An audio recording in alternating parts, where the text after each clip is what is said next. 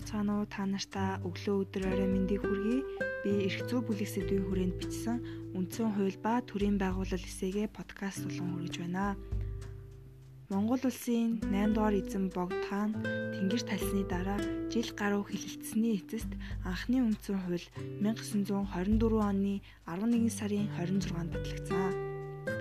Аливаа улс орн үндсэн хуулиа батлан гэдэг тусгаар тогтносон бүрэн бүтэн байдлаа баталгаажуулж буй хэлбэр юм.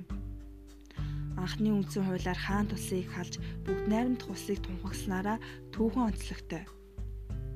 Социализмын үеийн он жилүүд өнгөрөх тусам соёлын довтлогоо, нэгдэлчээр хөдөлгөөн, атрын аян зэрэг томоохон хөдөлгөөн аянууд улс орон даяар өрнөж байв. Монгол улсын хүн ам, соёл, амьдрах хэв маяг, эдийн засгийн бүтэц, тогтолцооны хувьд эрс өөрчлөлтүүдийг хийх зорилтуудаас шалтгаалж 1940, 1960 онуудад тус тус үндсэн хуулийг шинжилэн баталж байжээ.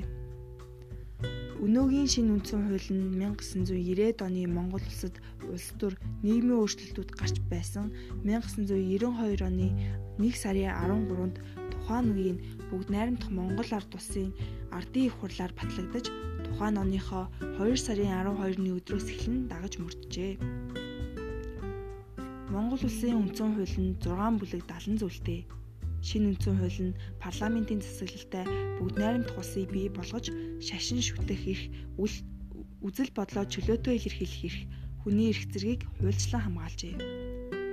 Манай монголчууд үндсэн хуулиа эцэг хууль, их хууль гэж бас нэрийддэг байна хүний эрх эрх чөлөөг зөрчих альва үйлдэлээс хамгаалах зорилгоор үндсэн хуулиар төрийн эрх мэдлийн хуваарлалт бүхий улс төрийн тогтолцооны үндэс суурийг хуульчилсан.